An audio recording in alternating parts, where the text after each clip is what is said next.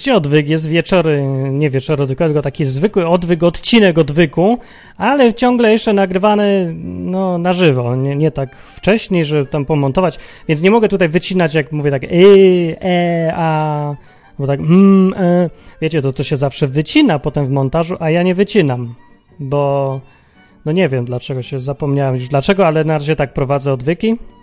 Ale nieważne. Może jest y, plus taki na przykład, plus jest taki, że jest ze mną czat ludzi, którzy na żywo sobie przyszli, żeby posłać jak na żywo nagrywam odcinka, chociaż w sumie nie muszą, bo równie dobrze mogą przecież przyjść później sobie posłać. Dobrze, nieważne. Ja mam dzisiaj y, temat taki. Wiecie, jaki mam temat? Najpierw teraz zmienię tło właśnie na y, odpowiednie. Odpowiednim tematem to będzie chyba to. Tak.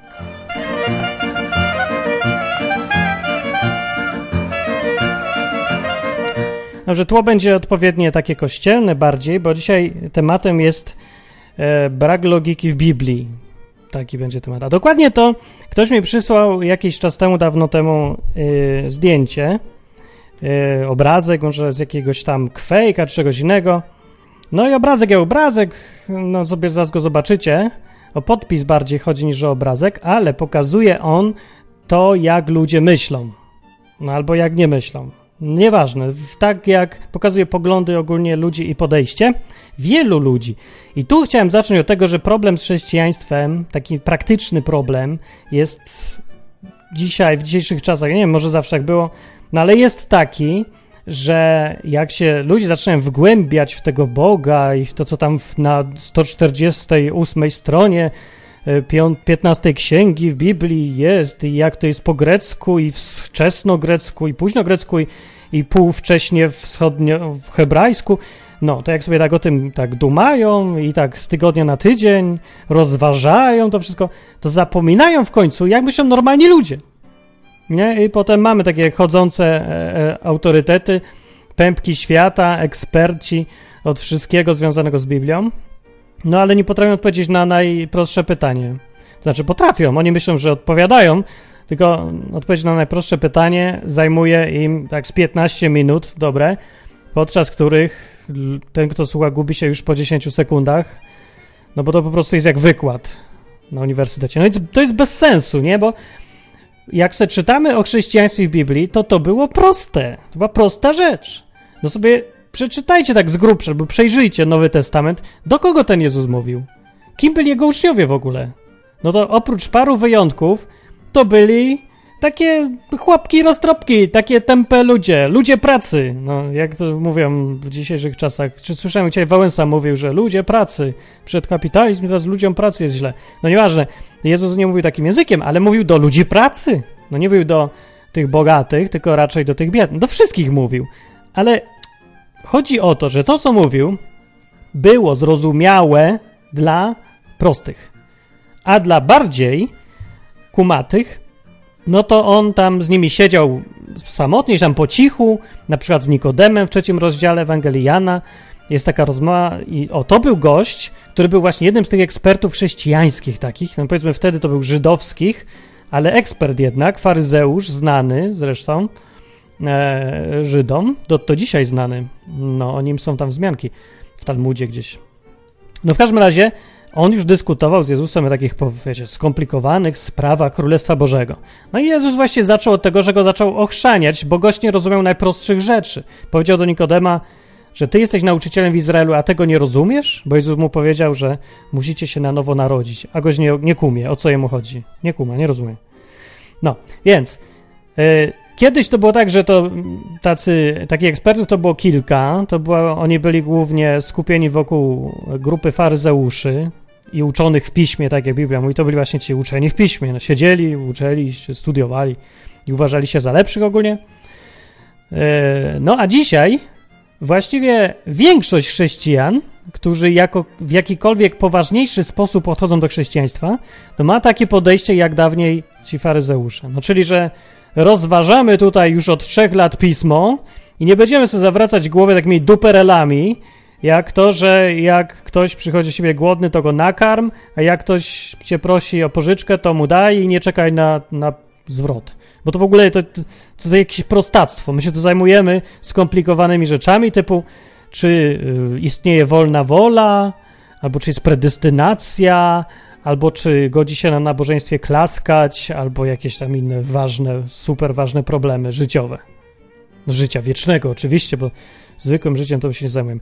No, więc dzisiaj tak dla otrzeźwienia pokażę wam, jak myślą zwykli ludzie, bo możliwe, że już tutaj za dużo odcinków było o jakichś takich złożonych rzeczach, a popatrzcie, zwykli ludzie myślą tak. Tada! Olera, nie ten, nie ten obrazek. Przepraszam bardzo, ten obrazek. O, to jest obrazek. Obrazek z jakiegoś tam kwejka, który mówi logika religii. I napis na dole brzmi: Bóg zsyła samego siebie na ziemię, po to, by złożyć się sobie w ofierze i tym aktem odkupić ludzi od potępienia, które sam im zaplanował. Tada! Logika Biblii. To jest logika, religi logika religii. No ktoś podpisał logika religii i właściwie mądrze podpisał, bo mógł podpisać logika Biblii i to już by było głupie, bo Biblia niestety nic takiego nie mówi, ale religia mówi. Mówi. No bo w ogóle sposób podchodzenia do kwestii Boga, Biblii i wiary i takich spraw są takie dwa główne sposoby, ja myślę. Takie popularne. Z tym, że jeden jest taki super popularny, bo właściwie prawie każdy go prezentuje. I to jest sposób pod tytułem Nieważne, czy religia jest logiczna, czy nie jest logiczna, bo ja to przyjmuję wiarą. A jak coś jest nielogiczne, to idę zapytać księdza. I on mi to wyjaśni. A jak dalej jest nielogiczne, to znaczy, że to jest wielka tajemnica wiary. Z dużych liter najlepiej i powiedziane to od, odpowiednio ponurym, odświętnym głosem człowieka ubranego w odpowiedni mundur chrześcijański, prawda? No. Więc jak to jest wielka tajemnica wiary, jak już słyszycie coś takiego, to można śmiało przypuszczać, że to będzie sprzeczne ze zdrowym rozsądkiem, logiką, rozumem, wiedzą, inteligencją, nauką i w ogóle wszystkim, co trzeźwo myślący człowiek powinien no, uważać za coś dobrego. No. Jest wielka tajemnica wiary. No to jest, no ale to jest popularny pogląd. I takie obrazki to właśnie z tym podpisem się odnoszą właśnie do tego sposobu myślenia. Jaka tu kurde logika jest? No jeszcze raz, pomyślcie sobie. Cała historia sprowadza się do tego zdania. Oczywiście, Bóg zsyła samego siebie na ziemię, po to, by złożyć się sobie w ofierze i tym aktem odkupić ludzi od potępienia, które im sam wymyślił. No nie? No nie jest tak? No jest. Jaka, jest to logiczne? No nie jest. Drugie podejście to jest takie, żeby po prostu traktować Biblię tak jak każdą inną książkę, ani, ani mniej, ani więcej, to znaczy ani bardziej, ani mniej, tylko podchodzić do niej normalnie, uczciwie, z podejściem takim szukającym, ale bez taryfy ulgowej i zastanawiacie, czy to jest logiczne, czy nie jest logiczne, czy co. Dobrze, to ja najpierw odpowiem mniej więcej na ten napis, bo on mi jakoś ciekawy się wydaje, bo właśnie ja też tak myślałem kiedyś. No dla mnie, jak sobie byłem małym, chodzącym na mszę katolikiem i na ten, na te dosalki, na lekcje religii, gdzie mnie przygotowywali do pierwszej komunii świętej czy coś, no to z tego, co mnie uczyli, to się wyłaniał taki obraz że właśnie Bóg syła samego siebie, no bo to trzy osoby w jednej, więc to Bóg i to Bóg, Jezus to Bóg, Bóg to Bóg, wszystko to Bóg i to co, syła samego siebie, żeby się sam złożyć w ofierze sobie? Po to, żeby uratować ludzi od potępienia? A przecież to on potępia, więc co, dlaczego ma sam siebie przekupać? W ogóle sensu tu nie ma i logiki. No i tak se myśli przeciętny człowiek. I teraz ja, ja wam powiadam wam, Wy, chrześcijanie, co tam słuchacie e, tych skomplikowanych kazań i rozpatrujecie kwestie życia wiecznego i predestynacji. Jeżeli nie umiecie odpowiedzieć gościowi na taki problem, no to po jakiego grzyba rozważacie te bardziej skomplikowane? No jak gość wierzy w takie rzeczy, jeżeli się go nie da przekonać, że no nie religia, ale Biblia jednak jest logiczna i że to, co tu jest napisane, no to nie jest tak, to jeżeli się go nie umiesz do tego przekonać, no to się skup na tym najpierw, żeby umieć, a potem dopiero to my sobie możemy pogadać o predestynacjach albo tym, ile zwierząt wziął do Arki Noe. Może, może to potem, co? Bo, a najpierw to. No. I, więc to jakby tutaj zacząć od końca. Bo błędy logiczne w tym zdaniu występują. Właśnie nie, to nie są błędy logiczne, to są błędne założenia. Bóg nie zesłał samego siebie. Jezus i Bóg to nie jest to samo. Jak Biblia mówi, że Bóg zesłał swojego syna, bo mówi, w Ewangelii Jana jest dokładnie takie zdanie wprost, że Bóg zesłał swojego syna jednorodzonego, cokolwiek to znaczy, nie wiem co to znaczy, ale syn rozumiem, go zesłał, żeby ludzi uratować i tak dalej. Ale tak czy inaczej, na pewno nie jest tak, że to jest on sam, jedna i ta sama osoba. To są zdecydowanie dwie różne osoby. I już tu na razie zostawiam kwestię i pomijam to teraz, bo to na razie nie jest ważne. Kwestię tego, czy jest dwóch bogów, czy jeden, czy Jezus był Bogiem, czy nie był Bogiem w związku z tym. Bo nie wiem. I mnie to w ogóle nie interesuje właściwie. Że to jest takie ważne, to jest znowu rozważanie jakichś koncepcji, które nie mają wpływu na nasze życie. Biblia mówi, że żeby być w niebie, to trzeba uwierzyć, że Jezus jest Mesjaszem, że jest tym Synem Bożym. Że właściwie to, co trzeba dokładnie zrobić, to trzeba mu się podporządkować jako swojemu szefowi, władcy, królowi, jak sobie tam jeszcze nazwiesz, ale masz być mu podporządkowany. Do niego należy jemu służyć. I już wierzyć w to, że był posłany od Boga, że umarł, że to wystarczy, żebyś żył wiecznie. I już nie trzeba wierzy, wierzyć w jakieś precyzyjne definicje y, zakresu jego boskości. No, możesz to sobie wyobrażać jak chcesz, możesz sobie wyobrażać, możesz nie wyobrażać, ale to nie ma już znaczenia, to już jest drugorzędne, bo naprawdę nie musimy rozumieć wszystkiego o Bogu, żeby móc podjąć decyzję, czy go olać, czy go nie olać. Starczy wiedzieć tyle, ile starczy wiedzieć dla nas, z naszego punktu widzenia zwykłych ludzików na tej ziemi. Dobra? No. Więc tak, Bóg nie zesłał samego siebie, tylko zesłał swojego syna na ziemię. Na czym polega, że Bóg ma syna? Ja nie wiem. No bo wiadomo, że go nie urodził tam w standardowy ludzki sposób, tam z pochwy nie wyszedł, ani z głowy nie wyskoczył jak w tej mitologii greckiej. No ale znowu, to, to jest takie istotne. No nie jest istotne. Dla naszych potrzeb Bóg określa Mesjasza, tego Jezusa z Biblii, mianem swój syn. Syn, mój syn. Dlaczego tak Bóg mówi? Nie wiem, ale tak mówi. Nie wiem, że się tam rozdwoili, czy co, ale to są dwaj. No i już. I starczy. Więc okej. To pierwsza część już jest bez sensu, bo Bóg zesłał swojego syna na ziemię po to, żeby złożył siebie samego w ofierze. To prawda? Się zgadza? Na razie logiczne. I tym aktem odkupić ludzi od potępienia. No to na razie to jest slogan, nie wiadomo o co chodzi, który im sam zaplanował i tu jest teraz problem logiczny. Bo a to jest ważne pytanie. Wiecie, ile ludzi ma problem z tym? Właściwie chyba na początku to każdy ma problem z tym, bo jedno z najważniejszych pytań w dzisiejszych czasach, jakie w Polsce można usłyszeć, no w szczególności w Polsce, bo tutaj dominuje e, religia katolicka, e, po której każdy jest gorliwym chrześcijaninem, ale nikt nic nie rozumie.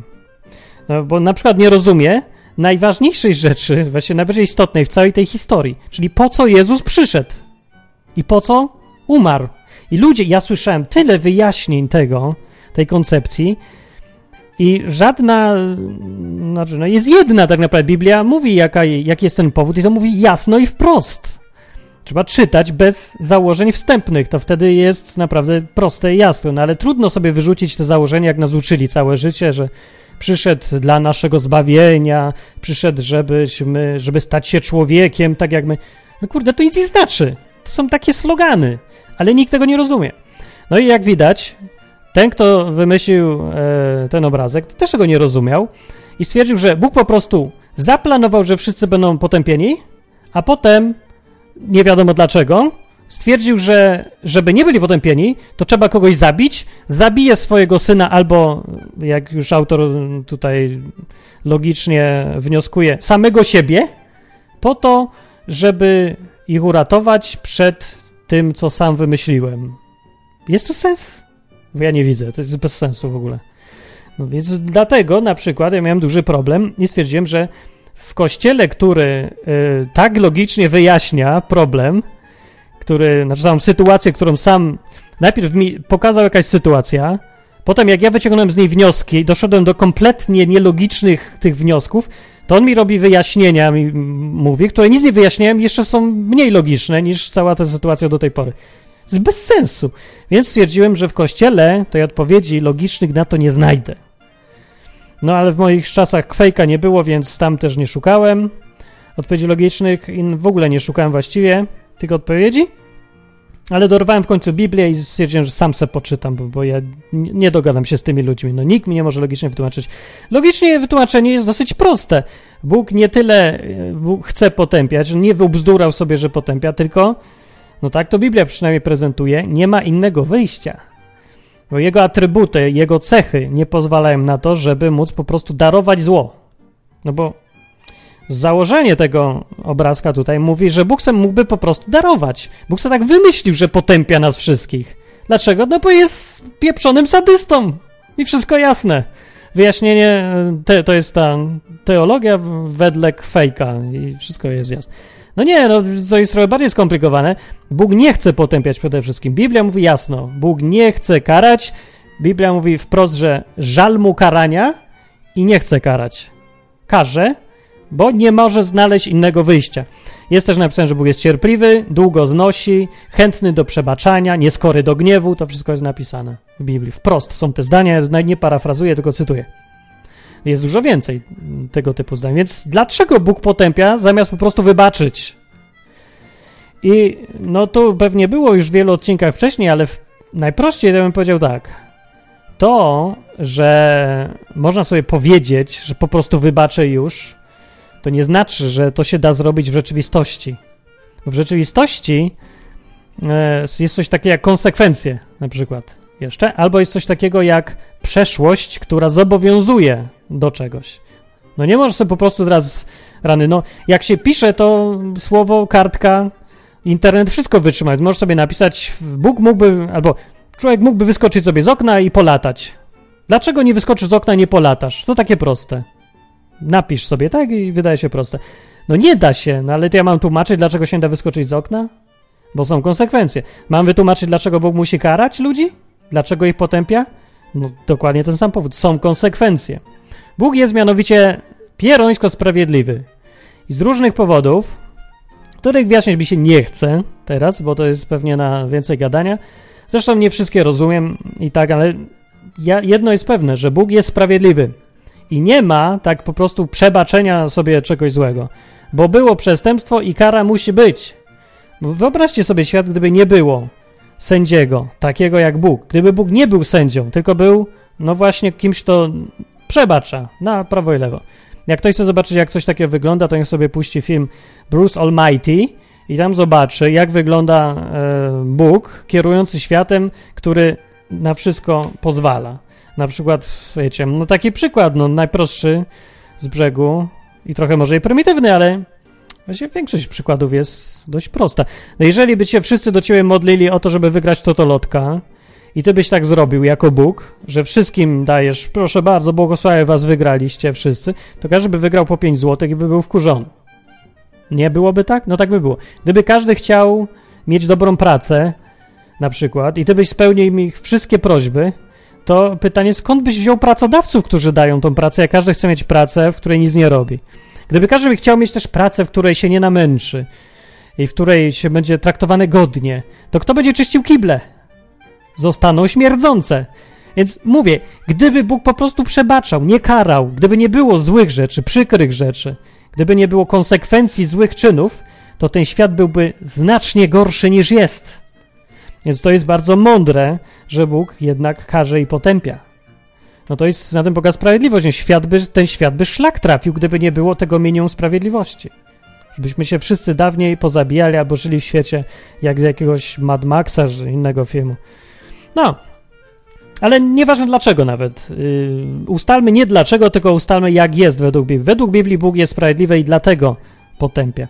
A ratunek przed potępieniem przed tym, na, na co Bóg skazuje. No Bóg jako sędzia skazuje faktycznie na potępienie za to, co zrobiłeś złego w życiu. No tak robi. Ale nie da się wyjść z tej sytuacji. Jak już mówiłem, Bóg chce wszystkich uratować i chce, żeby byli zadowoleni. Najprościej to by było, jakbyś po prostu przestał kłamać, e, oszukiwać i zabijać przy okazji i bić po mordzie i być obrzydliwym dla ludzi ogólnie. E, no. I za, zamiast tego pomagać, być fajnym. Gdyby tak wszyscy zrobili, to by nie było problemu. Tylko, że nie chcą. Więc Bóg może zrobić tak. Albo postąpić tak, jak pewnie przeciętny autor takiego obrazka by zrobił, czyli powiedzieć: Mam was wszystkich w dupie, macie to, na co zasługujecie i do widzenia.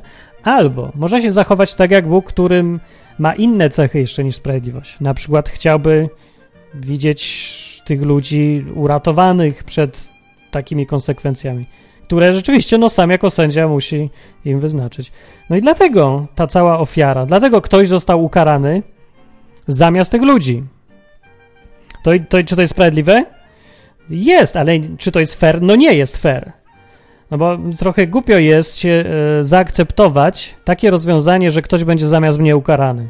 No to jest trochę, no hej, dobra, może ja jestem szuja, może jestem kawał gnoja, ale na tyle mam godności jakiejś, niezależności ludzkiej, że ja chcę przynajmniej sam za to odpowiadać.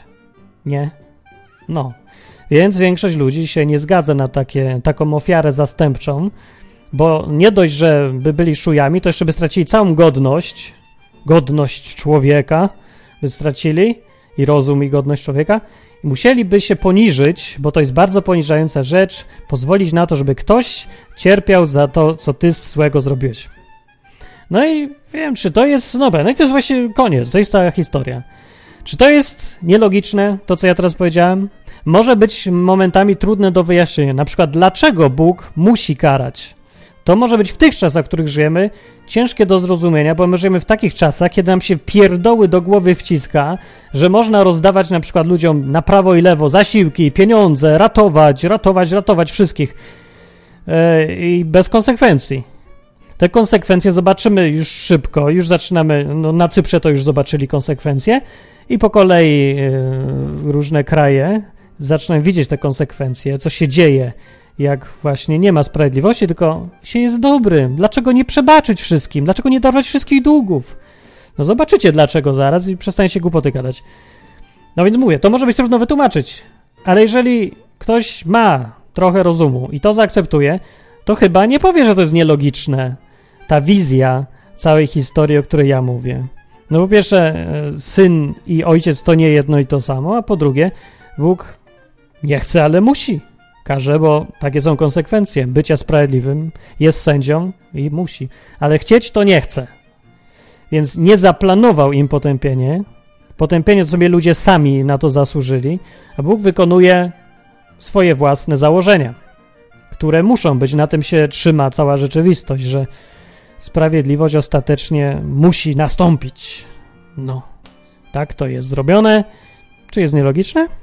No, możemy sobie pogadać, jeżeli tutaj by ktoś chciał. Ale póki co nie wydaje mi się, żeby to było nielogiczne.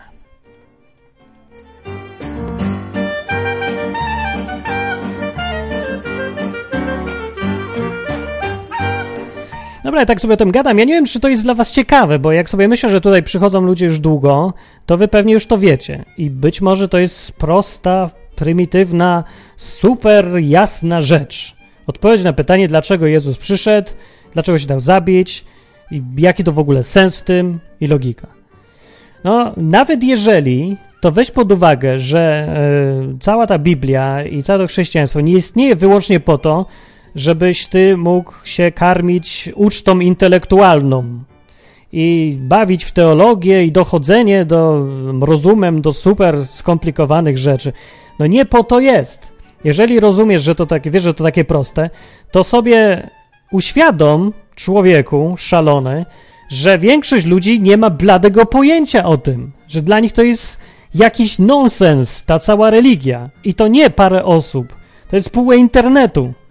Wiem, że to są ludzie może z, no jak to powiedzieć, z dolnych warstw, stan średni, w dolnej warstwie stanu średnich czy coś, powiedzmy nie jakieś geniusze superintelektualni, ale tacy też nie rozumieją. Nawet oni jeszcze mniej rozumieją, bo oni sobie ubzdurają znowu jakieś własne wyjaśnienia, które też sensu nie mają, nie wytrzymują próby krytycznej yy, i są bardziej jeszcze nielogiczne niż to, no. Więc dużo ludzi nie rozumie. Więc jak ty rozumiesz proste rzeczy, to warto o nich pogadać i sobie przypomnieć. i idź do kogoś i pogadaj o tym. To jest naprawdę dużo ciekawsze. Naprawdę ciekawsze są te rozmowy o prostych rzeczach niż te rozmowy o skomplikowanych. No ja widziałem w życiu wpierony różnych rozmów o predestynacjach na przykład, o, o, tym, o Duchu Świętym, o tym, czy jest jeden chrzest Duchem Świętym, czy dwa i czy jest jeden rodzaj darów języka, mówienia językami, czy dwa różne rodzaje i takie różne dziwne rzeczy. Kogo to obchodzi? Kogo to obchodzi z takich ludzi, co, co się jarają takimi, no tutaj, o, brakiem logiki? On nie rozumie najprostszych rzeczy, o których Biblia mówi, a my, wy tutaj dyskutujecie, czy my tu dyskutujemy o jakichś no, różnych rodzajach darów duchowych. Ludzie. Świat tu dookoła pojęcia nie ma, wy tutaj od razu wchodzicie na szczyty, zamiast się... Trzeba się trochę, wiecie, no, sprymitywizować jednak. Nie traćmy kontaktu z normalnymi ludźmi, bo pogupiejemy naprawdę. Nie będzie znowu o nas mówił ten werset z Biblii, że mienili się mądrymi, a stali się głupi. No, to chcecie tak skończyć? Jak nie, to trzeba sobie przypominać proste rzeczy i mówić o nich i próbować rozmawiać z ludźmi, e, którzy tego nie wiedzą. I spróbować zrobić się tak na próbę. Na próbę dla samego siebie. Spróbuj przekonać gościa, który rysuje takie obrazki i pisze takie teksty, spróbuj go przekonać, żeby zmienił zdanie, żeby stwierdził, że Biblia jednak jest logiczna, i może religia nie jest, bo religia faktycznie tłumaczy w nonsensowny sposób, ale Biblia jest ok, a przynajmniej warta zastanowienia. Ten obraz, który Biblia rysuje, jest spójny i wcale nie taki głupi.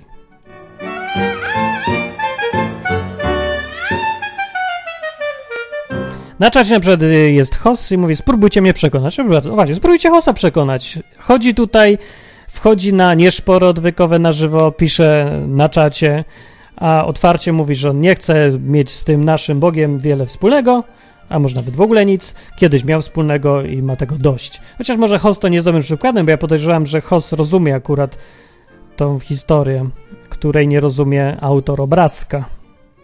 Ale wielu takich innych znajdziecie.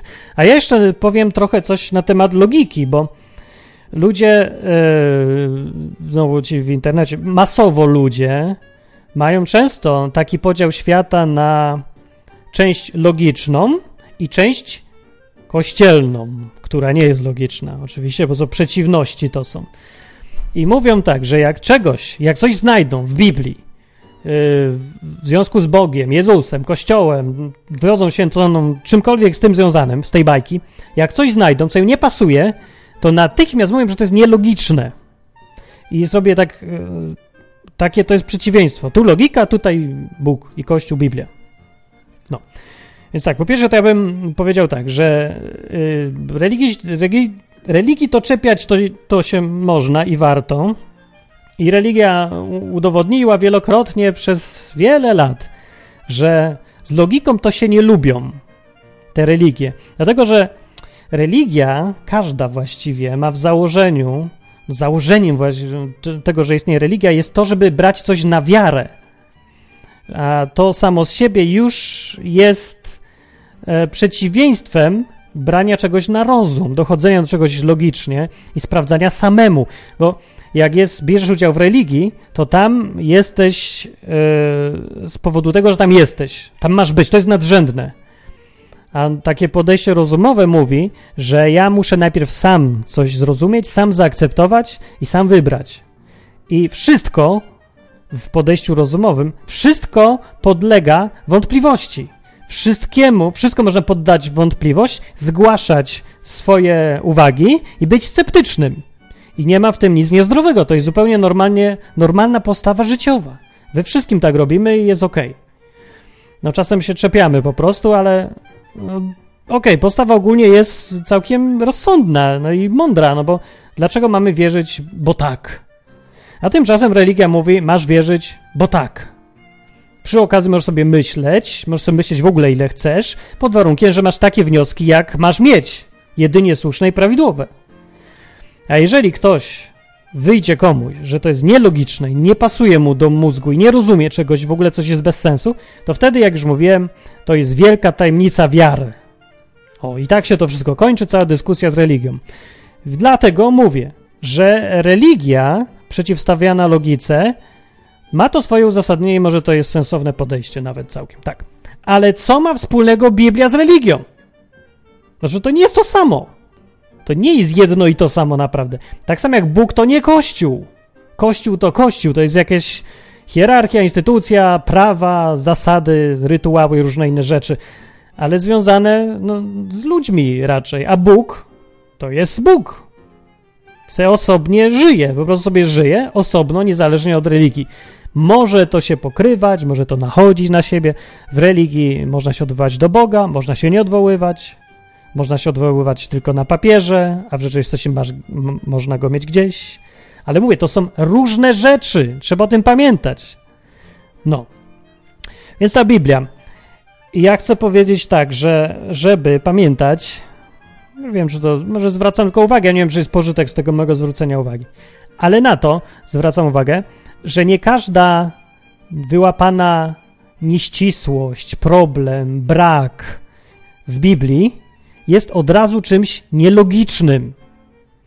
Bo tak to sobie ludzie nazywają. Nie, na przykład biorą ten fragment y, z jednej Ewangelii, gdzie jest mowa o tym, że przyszedł ślepy do Jezusa, a Jezus go uzdrowił. I biorą fragment z drugiej Ewangelii, gdzie jest mowa o tym, że przyszło dwóch ślepych do Jezusa i Jezus ich uzdrowił. I mówią, nielogiczne. Z człowieku.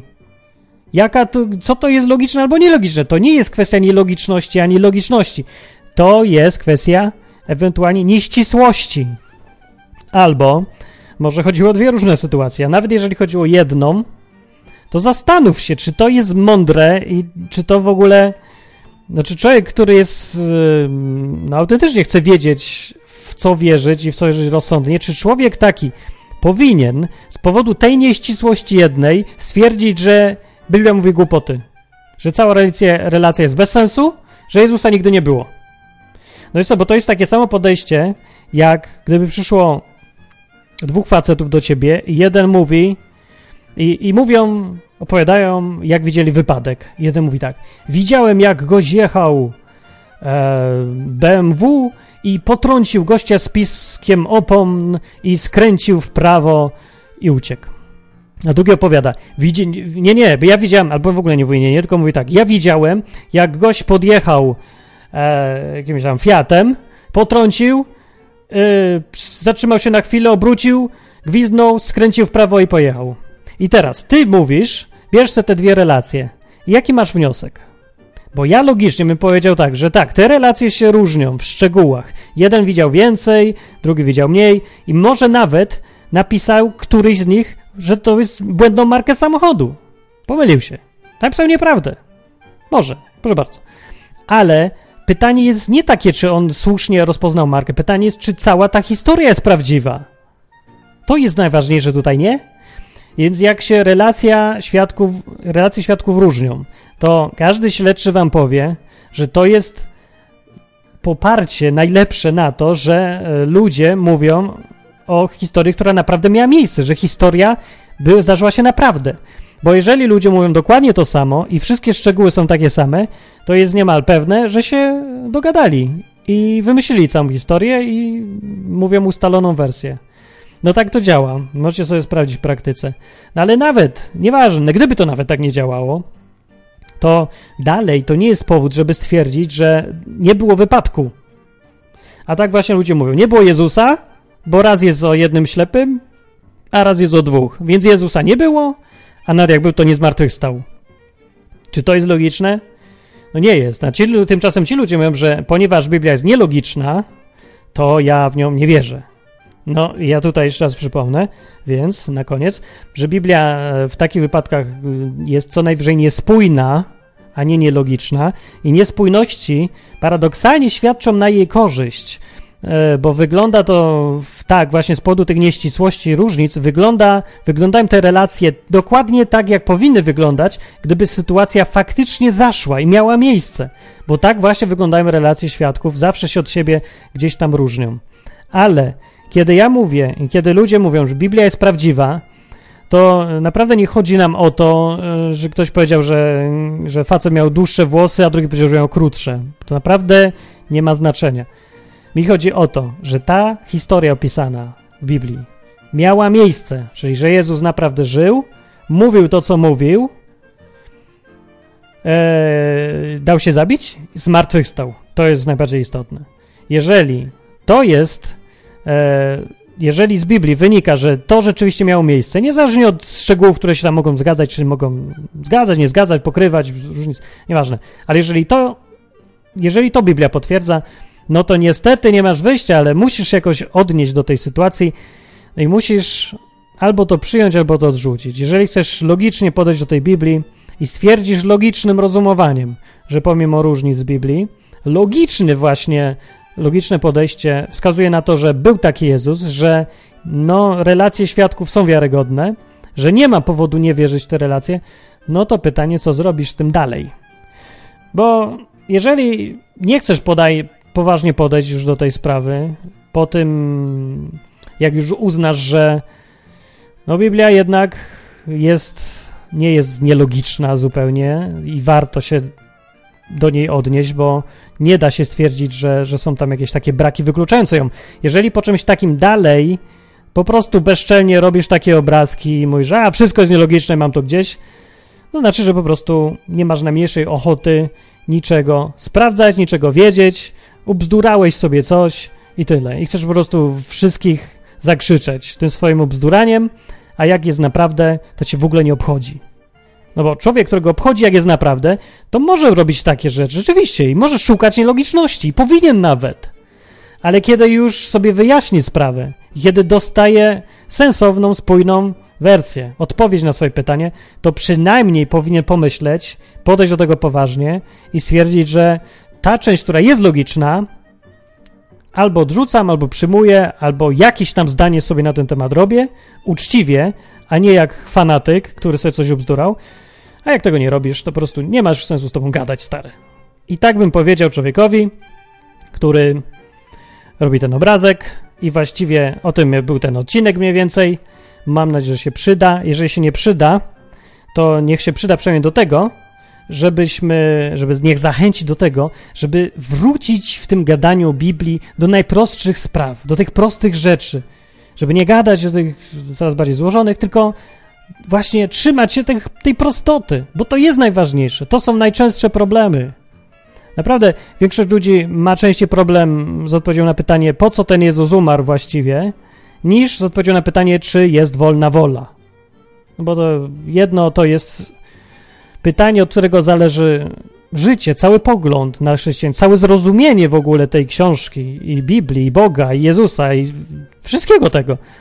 A to drugie to jest taka rozrywka intelektualna, którą sobie można spokojnie przy kawce, e, jak jest gorący dzień, wieczorem obgadać, pójść do domu i pff, nic z tego nie ma i niczego to nie zmienia. Ale odpowiedź na pytanie, po co właściwie ten Jezus umarł, no to już zmienia bardzo dużo. I tyle. To, były, to był odwyk.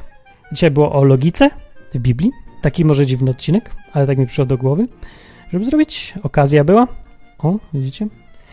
Yy, I pamiętajcie, że odwyk sobie żyje. A właśnie, ja powiem tak, że wakacje, znowu będzie tryb wakacyjny i ja myślę, że no zawsze coś innego jest wakacje, że będą, wrócę do przypowieści, przypowieści będę wymyślał, takie własne wersje a może nawet fajniejszy sposób niż rok temu to zrobię, ale co wam będę mówił? Tylko zapowiadam, że wakacje będzie tryb wakacyjny odwyku i będzie coś innego zamiast odcinków. Tyle. A pamiętajcie, że odwyk żyje, póki dotąd, dopóki jest potrzebny, a jest potrzebny, bo wy uważacie, że jest potrzebny, a pokazujecie, że jest potrzebny, bo dajecie co łaska, żeby to wszystko sobie się kręciło, a to nie jest prosta sprawa ogólnie.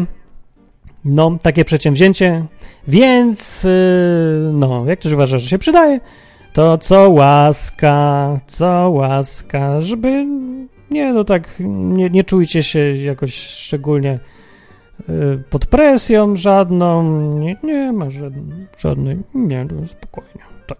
Dobranoc, mówił Martin Lechowicz, odwyk, a piszcie komentarze www.odwyk.com Ogłoszenie bym zapomniał, prawie bym zapomniał. Jeżeli ktoś to ogląda yy, dzisiaj, czyli w środę, znaczy nie wiem, czy dzisiaj jest środa akurat, ale jeżeli to ogląda w środę, 5 czerwca 2013 roku, to yy, dziś wieczorem, czyli właśnie tego 5 w środę, będzie Tomek Żółtko. To jest taki jeden z bardzo nielicznych, bym to nazwał bardów chrześcijańskich. Ludzi, którzy sobie grają na gitarze i śpiewają, piszą piosenki, e, gdzieś tam zawsze związane z chrześcijaństwem, ale odwołujące się do mózgu bardzo często. Dlatego mi się to podoba, bo ja lubię mózg. Ogólnie jedna z moich ulubionych części ciała.